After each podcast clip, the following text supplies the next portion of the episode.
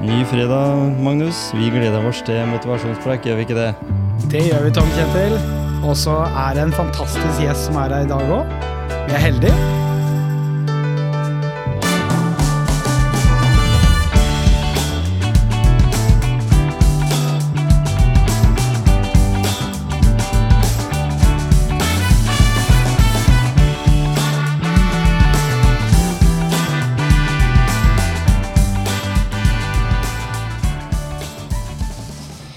Ja, ny episode i Motivasjonspreik. Og i dag så har vi tenkt å løfte noen kilo. I hvert fall eh, i eh, talen her på, på, Myren. Eh, jeg har fått besøk av Ja, presenter deg sjøl. Erlend Råstad, du er råsterk. Ja, jeg liker å løfte vekter i hvert fall. Ja. Holder på med olympisk vektløfting og crossfit. Ja. Og bruker en del tid på det. Så tillegg til at jeg er sykepleier, da. Ja.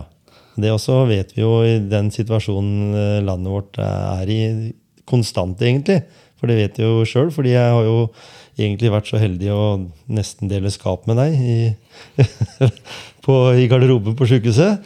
Så, så det er ikke helt ukjent uh, hvem du er. Men, men det som er um, interessant, er jo at du har en uh, litt annen uh, historie sammenligna med kanskje mange andre som driver med vektløfting. da. Men det med orientering, det har jeg fått med meg at det var der det begynte.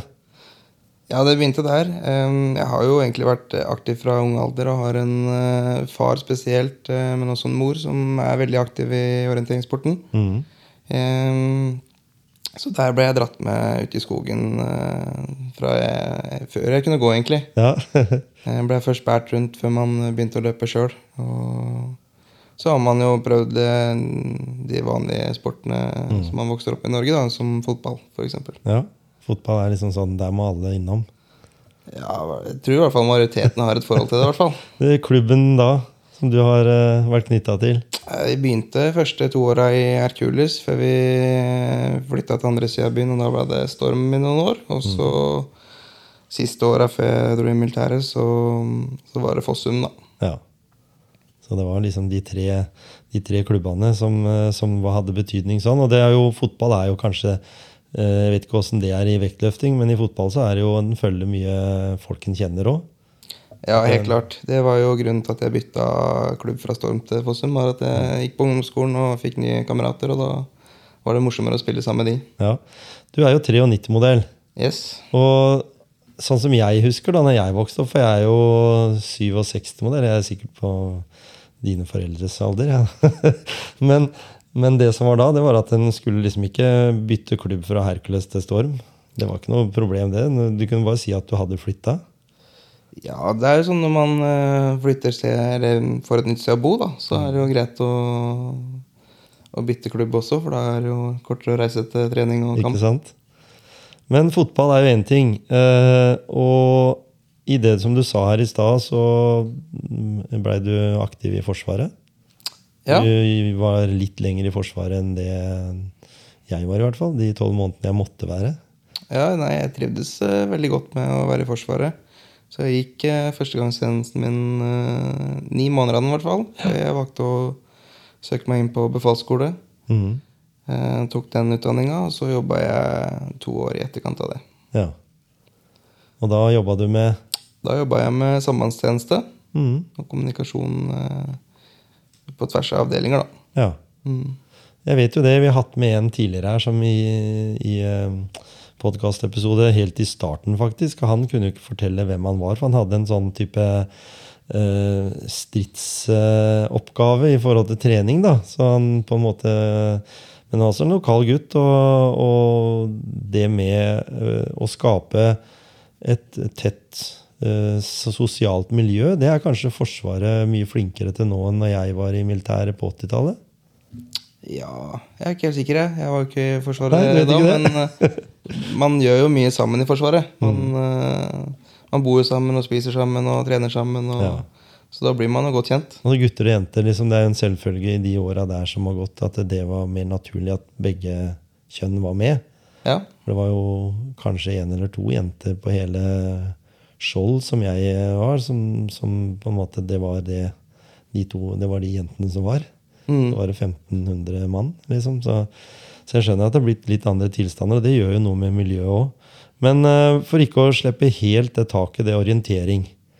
Uh, det er kanskje den, en undervurdert sport, fordi jeg ser jo orientering får jo veldig ofte oppmerksomhet i TV, på TV.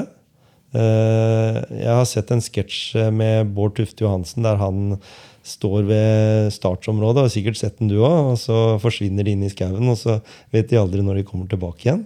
Ja. Eh, Det er ikke noe kamera på, på ruta, for du vet ikke hvor folk løper.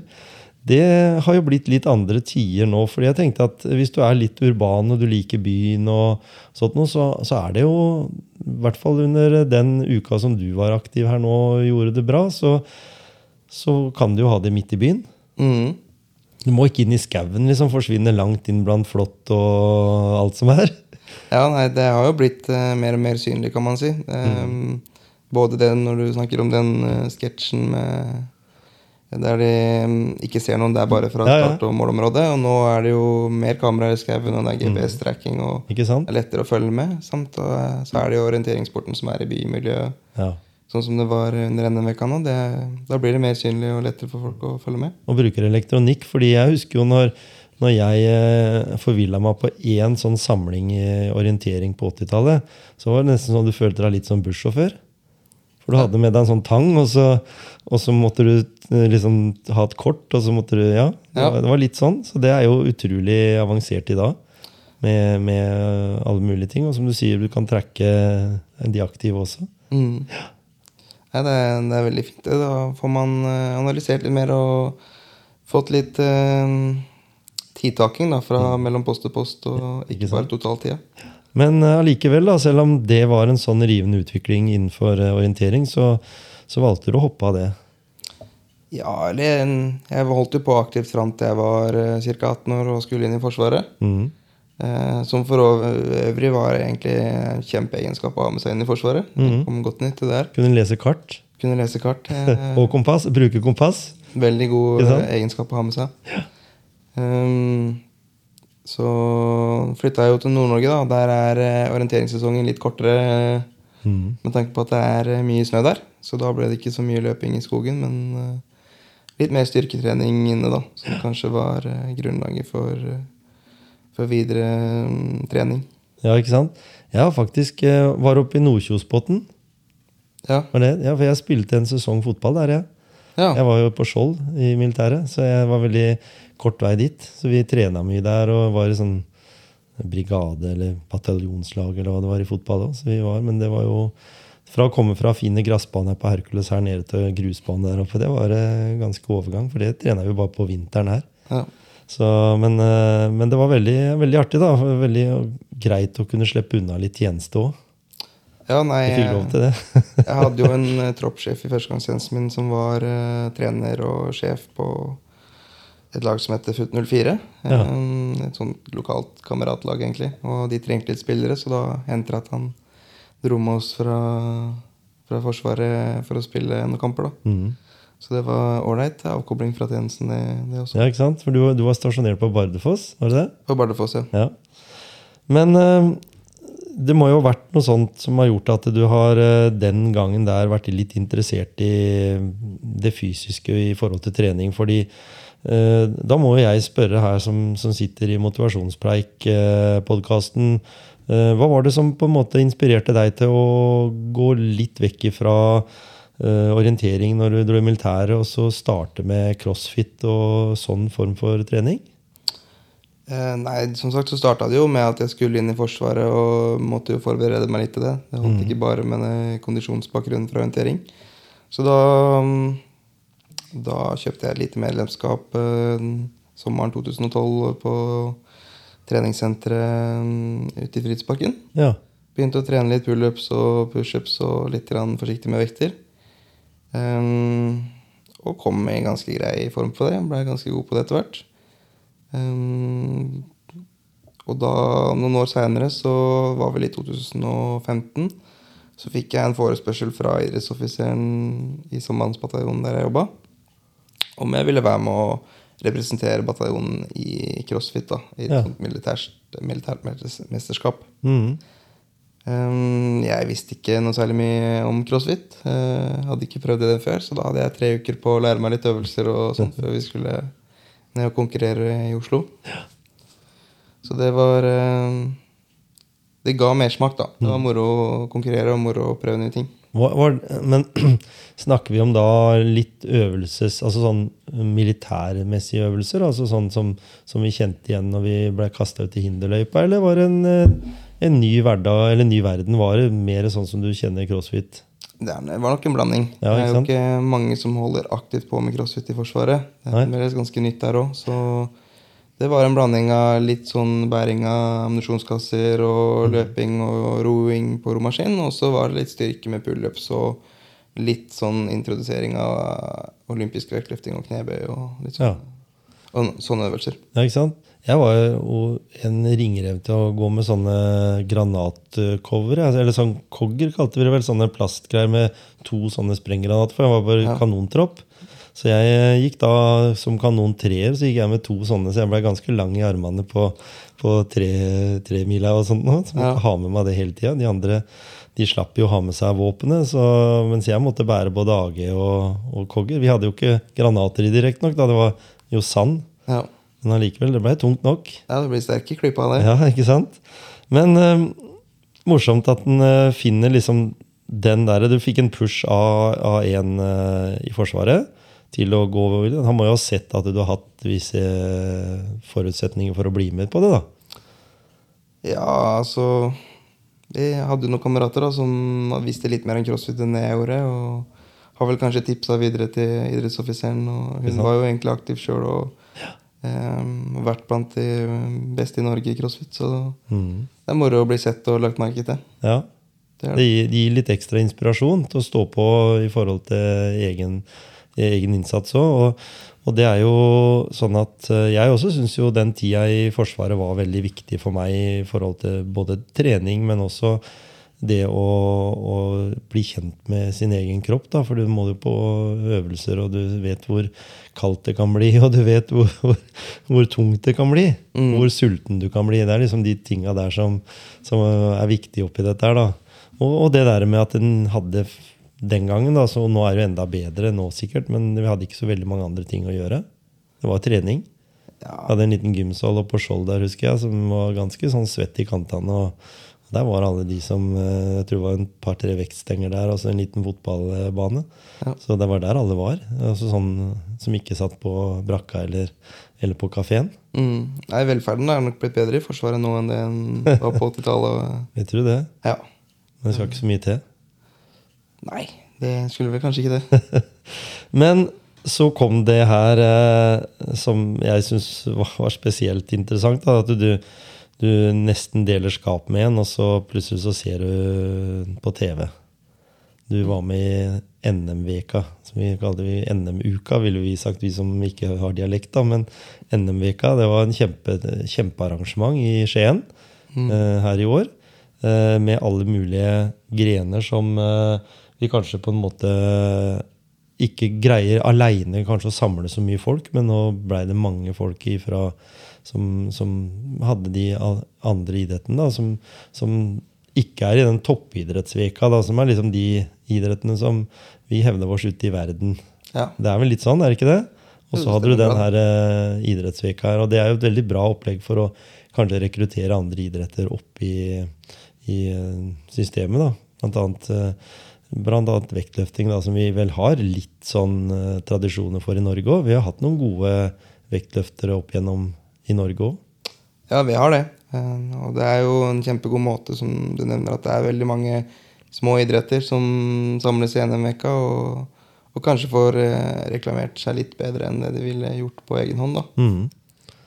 Så Hva tenkte du den dagen som, som du skulle gjennom dette her? da? Du hadde jo sikkert forberedt deg ganske mye. Er Mer enn det som kommer fram i både det som er skrevet om, om det i etterkant. For det var veldig sånn overraskende for alle, egentlig, at, eh, at du gikk bort og blei norgesmester. da.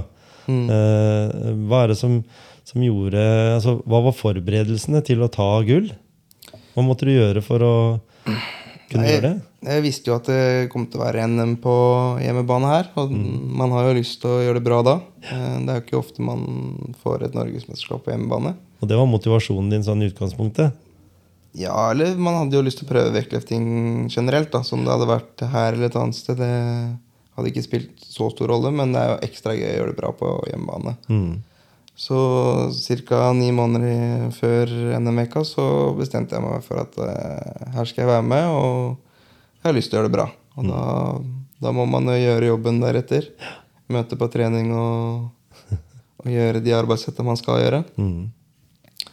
Ehm, og så har man jo fått godt, god oppfølging av de litt eldre, rutinerte løfterne som vi har i klubben. Mm.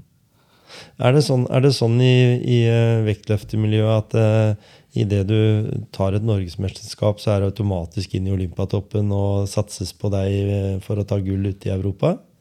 Det er det nok ikke, nei. Det er jo eh, Vektløfting er jo en veldig liten sport i Norge, men for å delta i norgesmesterskap så må du jo ta, være med på et uh, lokalt stevne der du kommer fra. Mm.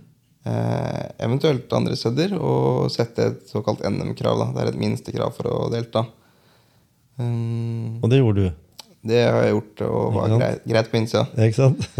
Så, um, og så er det jo nye krav da, for å delta i, i nordisk mesterskap eller i europamesterskap eller VM eller OL osv. videre Sånn som det er i idrettene generelt, sånn Ja. i friidrett og andre. Men eh, når vi snakker da om den grenen eh, vektløfting som Vi ser jo det er mange alternativer, og, og når du eh, står der i, i en svett treningshall sammen med, som du sier, eldre, garva eh, karer, har de har de, sånn, har de en 80-tallsmodell de ville lære deg? Måten du skulle løfte på? Eller er du veldig fri til å bruke den fysikken du har, og den personen du er sjøl? Det er ikke noe fasit. Nei, de gir jo gode tilbakemeldinger da, med å starte med hofta litt høyere, kanskje, eller starte litt roligere fra gulvet og mm. få strekt seg litt godt ut på toppen. Så de kommer med gode innspill. Ja. Men det er nok som du sier, det er, det er flere forskjellige måter å løfte på. Sånn løfter vi her, mens i Oslo-området så har de en annen coach som løfter og coacher på en annen måte. Så Ja. det er nok litt forskjellig. Mm. Eh, Men nå har jeg lyst til å høre liksom den dagen da, som du eh, gikk inn på Kaller vi det å gå inn på matta? Er det det? Ja, eller plattingen, tenker jeg. plattingen? Ja. Eh, hva følte du da, på en måte? Litt sånn omvendt av Det skal komme til det når du tar gull, liksom. Men, men hvordan så du dette her i forhold til konkurrenter og i det hele tatt? Hvordan var følelsen? Eh, Nei, jeg var nok litt spent, men fordelen av å være ny er at det er veldig få som vet om deg og vet hva du er god for. Med unntak de du kanskje trener med til vanlig. Mhm. Ehm, og så har man ikke kanskje noen andre eh, forventninger enn det du sjøl setter til deg. Da. Da, da kan man gå inn med lave skuldre og, og slappe av mest mulig, tenker jeg. Mm. Og så kjente jeg ikke så mange av de andre jeg konkurrerte med, så jeg visste ikke helt hva de var gode for heller. Nei. Så du var egentlig bare opptatt av å gjøre det best mulig sjøl? Det er jo det som er enklest ofte. Målet mitt var aldri å ta noe NM-gull. Målet mitt var å, å ta medalje. Hadde vært morsomt. Og, og prøve å ta en, eh, en norsk rekord. Det Ja. var også morsomt. Ikke sant? Men, men er det sånn som jeg tenker litt på når jeg ser, sånne, ser sendinga, da? altså, Er det litt taktikk også her? Er det litt spill også? For det virker jo nesten sånn. Ja, Nå har ikke jeg så fryktelig mye erfaring, men det er jo litt det. da. Man, kan jo, man setter jo opp en startvekt når man veier inn. Så kan man jo justere den deretter. Både opp og ned. Eh, helt fram til vekta er satt. Og Når stanga først er på 100 kg, så kan du ikke gå ned. Nei. Så, så kan man jo prøve å lure de andre konkurrentene litt eh, hvor man starter hen, og, mm.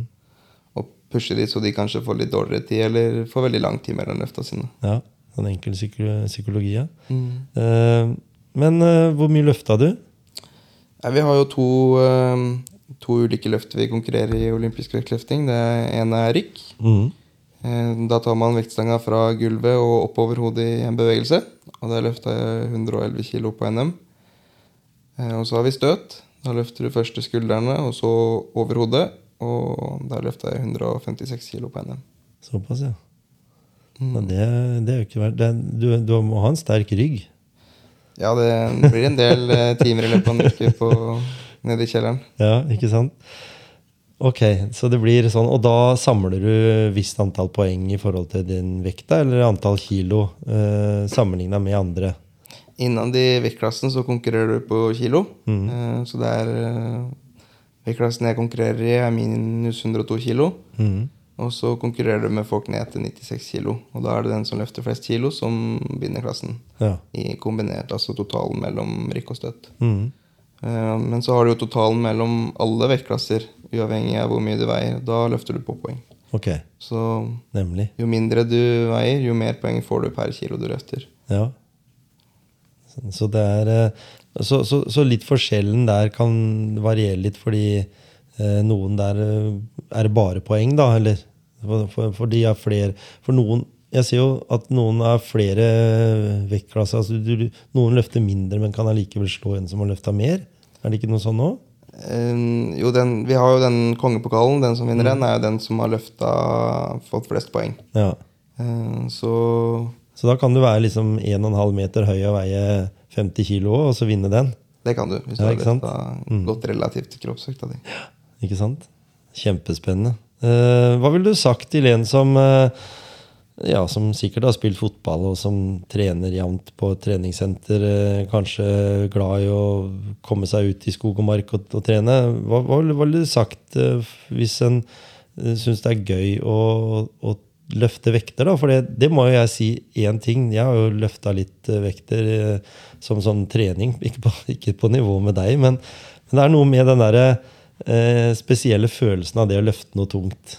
Jeg husker jo bare det å løfte liksom sånn fra eh, knebøy, bøy i ryggen og så opp, liksom. Eh, jeg vet ikke hva de kaller det engang. Og så stå sånn og ta tre-fire repetisjoner på så mye du greier. Da kjente jeg det sprengte både her og der. Men Ja. etterpå så kjenner du at muskelfibrene på en måte reparerer seg sjøl. Altså det er en sånn Kan vi kalle det en sånn euforisk følelse? Av det Ja, du får jo et lite adrenalinrush. Ja. Du gjør jo det. Når man eh, drar eh, 150 kilo pluss fra gulvet og slenger seg ned for å ta det imot i en eh, knebøy, da Du kjenner at du, du lever da når du Ja, tar imot. Det er mye vekt. Det er det. Vi snakker liksom om uh, en del av en bil. Ja. så så det, er, det er, jeg må si det er imponerende. Men, men hva ville du sagt til en da, en uh, unggutt eller en jente som har lyst til å løfte eh, og kanskje konkurrere? Hvilken vei ville du anbefalt de å gå? Eh, Jeg ville anbefalt å funnet noen som er god på det. Eh, Og da er det jo eventuelt et treningssenter der du kan begynne, eller så har vi Grenland CrossFit der jeg også holder til. Mm. Eventuelt så er det å ta kontakt med enten en styrkeløftklubb eller en vektløfteklubb. da. Mhm. Og få litt god veiledning, eh, så man venner seg til de gode tinga med en gang, og ikke venner på seg noe uvaner. Ja. Det er nok det smarteste. Så Og du var lydhør for det, som du sa i stad, med, med de gamle kara, og så tok du med til deg litt det, eller hadde du allerede bestemt deg for hvordan uh, Erlend skulle være liksom en god vektløfter? Nei, jeg prøver jo å lytte til de som kan det, men i- som vi snakka om i stad, så begynte jeg jo med crossfit i Forsvaret og begynte å løfte litt olympisk gjennom det. Og da var det mange timer på egen hånd eh, på treningsrommet i Forsvaret, eventuelt inn på YouTube for å prøve å finne noen tips. Så jeg har nok en del uvaner, jeg også, som jeg kanskje kunne unngått hvis jeg hadde hatt en trener fra starten av. Ja. Så du har gått deg, du har gått deg til med underveis. Ja. Overraskelsen da når du fikk beskjed om at dette her eh, blei sånn at du, du vant, da. Hvordan var den følelsen? Er det ikke sånn vi pleier å spørre? Hva følte du da? ja. Eh, nei, det er, jo, det er jo en deilig følelse å vinne. Eh, Og som vi nevnte i stad, spesielt på hjemmebane. Eh, når man har eh, venner fra crossfiten som kommer og ser på, eller kollegaer fra sykehuset, eller de andre i klubben, og, og kjæreste som er og ser på, det er, det er gir litt ekstra. Blir varm i kroppen og glad av det. Mm. Familie og, også? Og hva sier mor og far som orienteringsløperne oppi dette? her? De var sikkert engasjert under uh, idrettsveka, de òg? Ja, nei, de, eh, de skulle gjerne vært og sett på de òg, men de var dessverre opptatt med å arrangere orienteringsdelen under en, en Det gikk jo omtrent samtidig. Det gjorde det. Og når eh, pappa er eh, løpsansvarlig der, så hadde han dessverre ikke tid til å løsrive seg fra det og komme og se på. Men det kommer flere muligheter. Sikkert blitt feira etterpå. Det var jo, var jo bra at det, kanskje vektløftesporten fikk god dekning på TV. Ja, jeg tror de satte pris på hadde det. NRK i, i, med i stallen. Ja, nei, De fikk jo vist fram de beste løfterne i Norge. Og... Så jeg håper jo de skal fortsette med å være en del av NM-veka neste år òg. Ja, det kommer en ny by med, med nye muligheter. og jeg har jo hørt ordføreren skrøt jo veldig og fikk jo liksom se hvor eh, kompakt et sånt, eh, et sånt mesterskap innenfor så mange grener kunne gjennomføres. Det var liksom bare et steinkast unna. Liksom, så du der så var det noen som, som dreiv og kjørte med vannskuter, og så var det der så var det orientering, og så var det eh, crossfit, eller i hvert fall sånn type tre, sånne apparater oppi Ibsenhuset, og så dere i Skiensalen. Liksom. Det var veldig kompakt sånn sett. Ja, nei, det var mye aktivitet. Så ja, vi blei jo, vi som tok gull på hjemmebane, ble jo invitert eh, eh, til en liten feiring eh, av, eh, ordføreren. Så eh, jeg tror hun var veldig fornøyd med å få, få et sånt arrangement til, til byen. da. Det, det gir mye tilbake igjen til, til de som kanskje har hatt det litt tungt de siste åra med hotellbransjen og, og restaurantbransjen og sånne ting. Det ga litt ekstra piff, ja. Og, og i tillegg så kanskje det rekrutterte noen nye til eh, sporten også. Har, du, har du kjennskap til det? Om, om din, eh, din klubb har eh, rekruttert noen flere nå, etter at de så hvor Ikke lett det var å ta NM, da, for det, det er jo ikke det. Men at det er mulig. Eh, ja, det kan godt hende det kommer noen flere, men nå har vi Vi har ikke så mange som er aktive på lik linje som meg Nei. klubben. Eh, så det ble tatt en liten sommerferie for de fleste nå etter NM, og så skal vi i gang nå denne uka her, tenker jeg. Det er sånn det er med en sånn sport, liksom. Du må ha eh, lang restitusjon.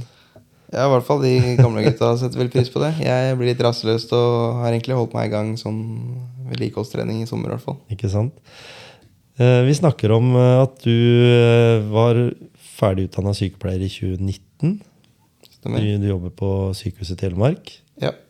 Eh, Du nevnte jo her også at du hadde kolleger på besøk på, på tribunen. Men var det, var det det at det var, var det mange som var overraska over at du dreiv såpass eh, aktivt? For man må jo si det at det, det er ikke gitt at det hver og en eh, blir norgesmester.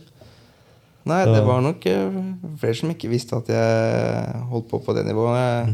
Det var det nok. De var litt overraska der. Så de flere som har kommet og spurt om litt ekstra hjelp til løfting og mobilisering av pasienter i etterkant av det. Altså, har du blitt sånn mobiliseringsansvarlig nå da på Ja, så er det jo sånn med å være sykepleier, da. Da får man litt andre oppgaver enn bare stell og mobilisering og sånn. Så da har man litt andre ansvar for medisiner og sånn, så det er ikke alltid jeg har tid til å hjelpe til med det, men jeg prøver å bidra der jeg kan. Ja. Eh, Jeg må jo spørre, da, for jeg har jo vært i situasjonen sjøl, men, eh, men eh, jeg tenker på eh, I den tida vi har vært inne i, da, så har det vært litt spesielle forhold for eh, sykehusene og for helsevesenet generelt.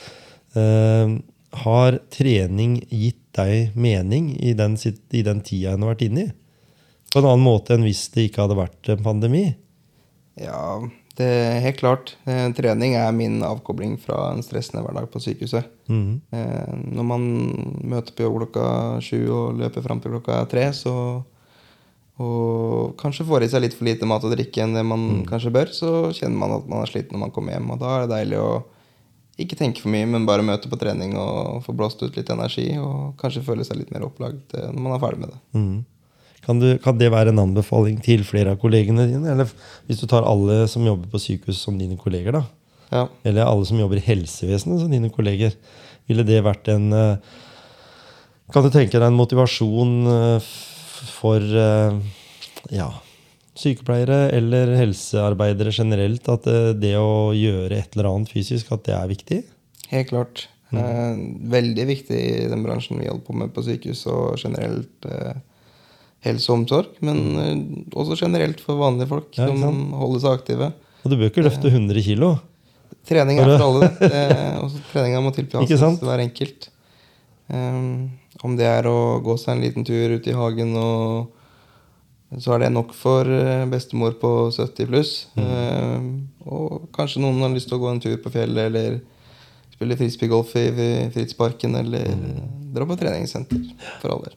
Skulle du ønske at eh, Nå blir jo dette her litt sånn eh, vurdering ut fra det, men eh, skulle du ønske at det, hadde vært mer fokus på aktivt Altså det hadde vært mer tid til aktivitet eh, rundt pasienter?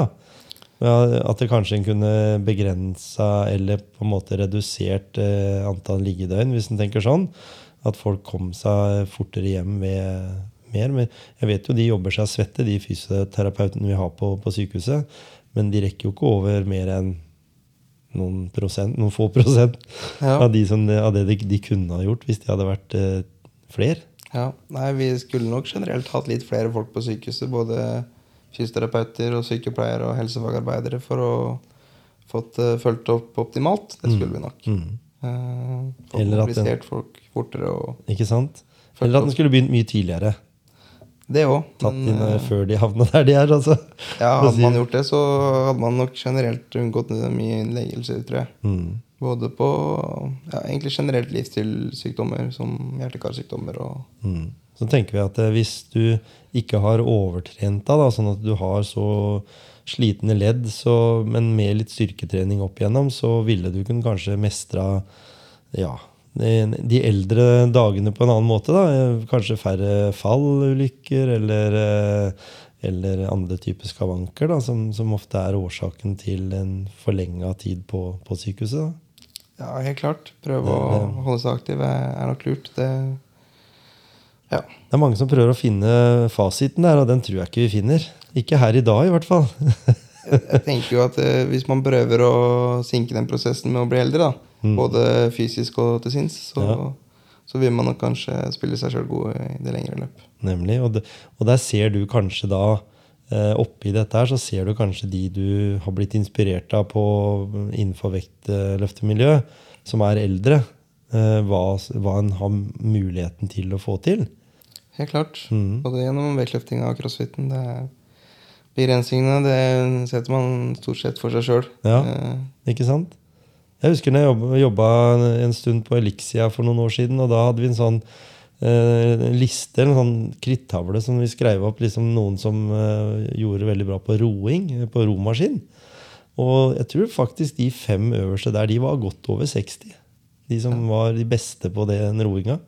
Og de var der og rodde hver bidige dag, og det jeg også vet jo at det er god trening sånn i utgangspunktet for rygg og beina og armer og alt. Helt, helt klart. Så, så det å finne sitt uh, miljø, finne sine mennesker, hva, hva tenker du om det? De, det? Nå er jo du i et miljø som du sier som er ganske lite, da.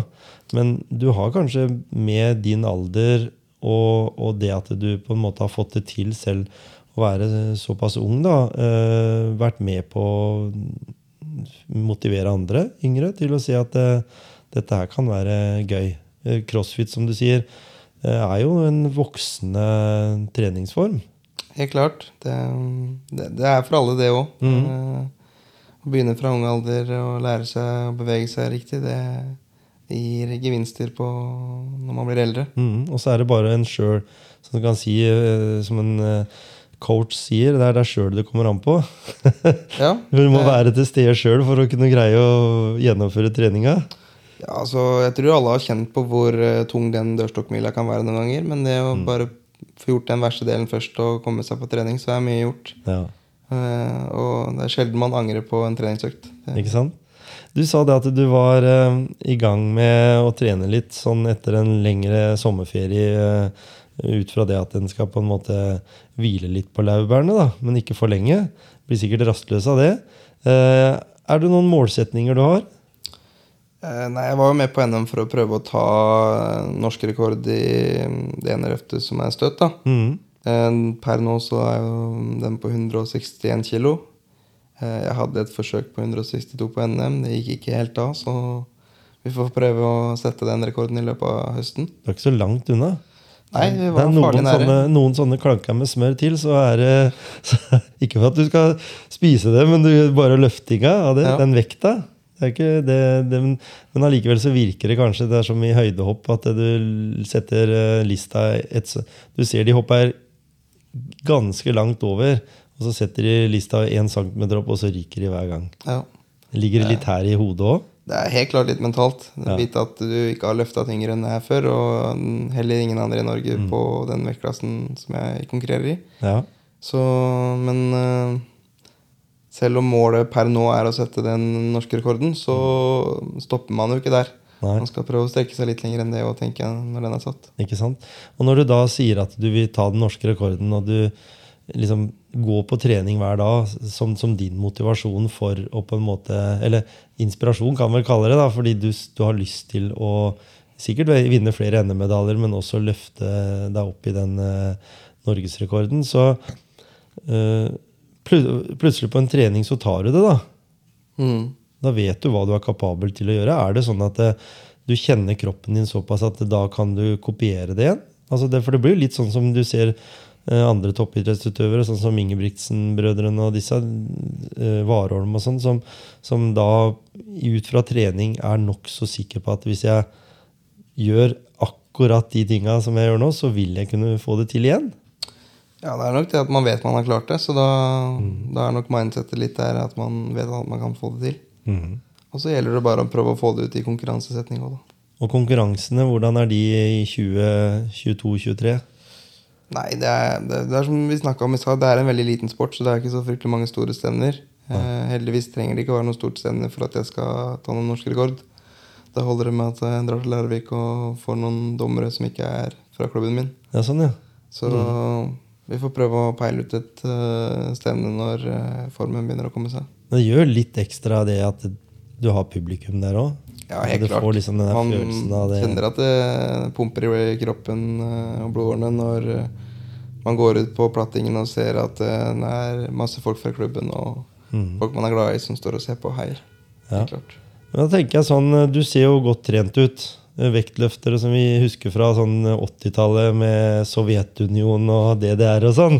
Det var, var et litt annet, eh, litt annet folke, folkeslag. Du, du ser jo nokså vanlig ut når du har på deg sykepleieruniformen. Og så når du på en måte løfter litt, så ser du sikkert at du har muskler til det. Men, men det er ikke sånn at du går rundt og brifer. Jeg, jeg trener jo på en måte som fokuset er på de store muskelgruppene. da. Trener mye bein og rygg og skuldre. Det er ikke så mye isolert biceps og bicepskøll som man Nei, kanskje ser på de store treningssentrene. Mm. Så det blir mye knebøysett og, og drag og, og olympisk vektløftning. da. Ikke sant? Og det har jeg lyst til sånn på, på tampen eh, lyst til å vite litt om eh, hva gjør du med kosthold. Det er jo viktig i all idrett. Jeg er ikke så veldig streng på kostholdet mitt, egentlig. Jeg prøver å unngå å drikke brus og spise mye sukker i hverdagene, men eh, finner det fram eh, på lørdagskvelden, f.eks.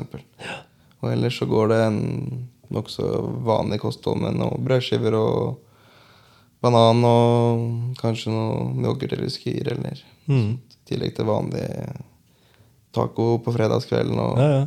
Ja. Er det sånn du tenker at du, du er jo i en eh, idrett, altså vektløfting, det, da forbrenner du mye kalorier. Så du må jo også tilføre en del kalorier, og hvordan de kaloriene er, det blir vel for så vidt det samme, egentlig, hvis du kombinerer det med frukt og grønt. Er det ikke sånn? Det er en veldig enkel modell.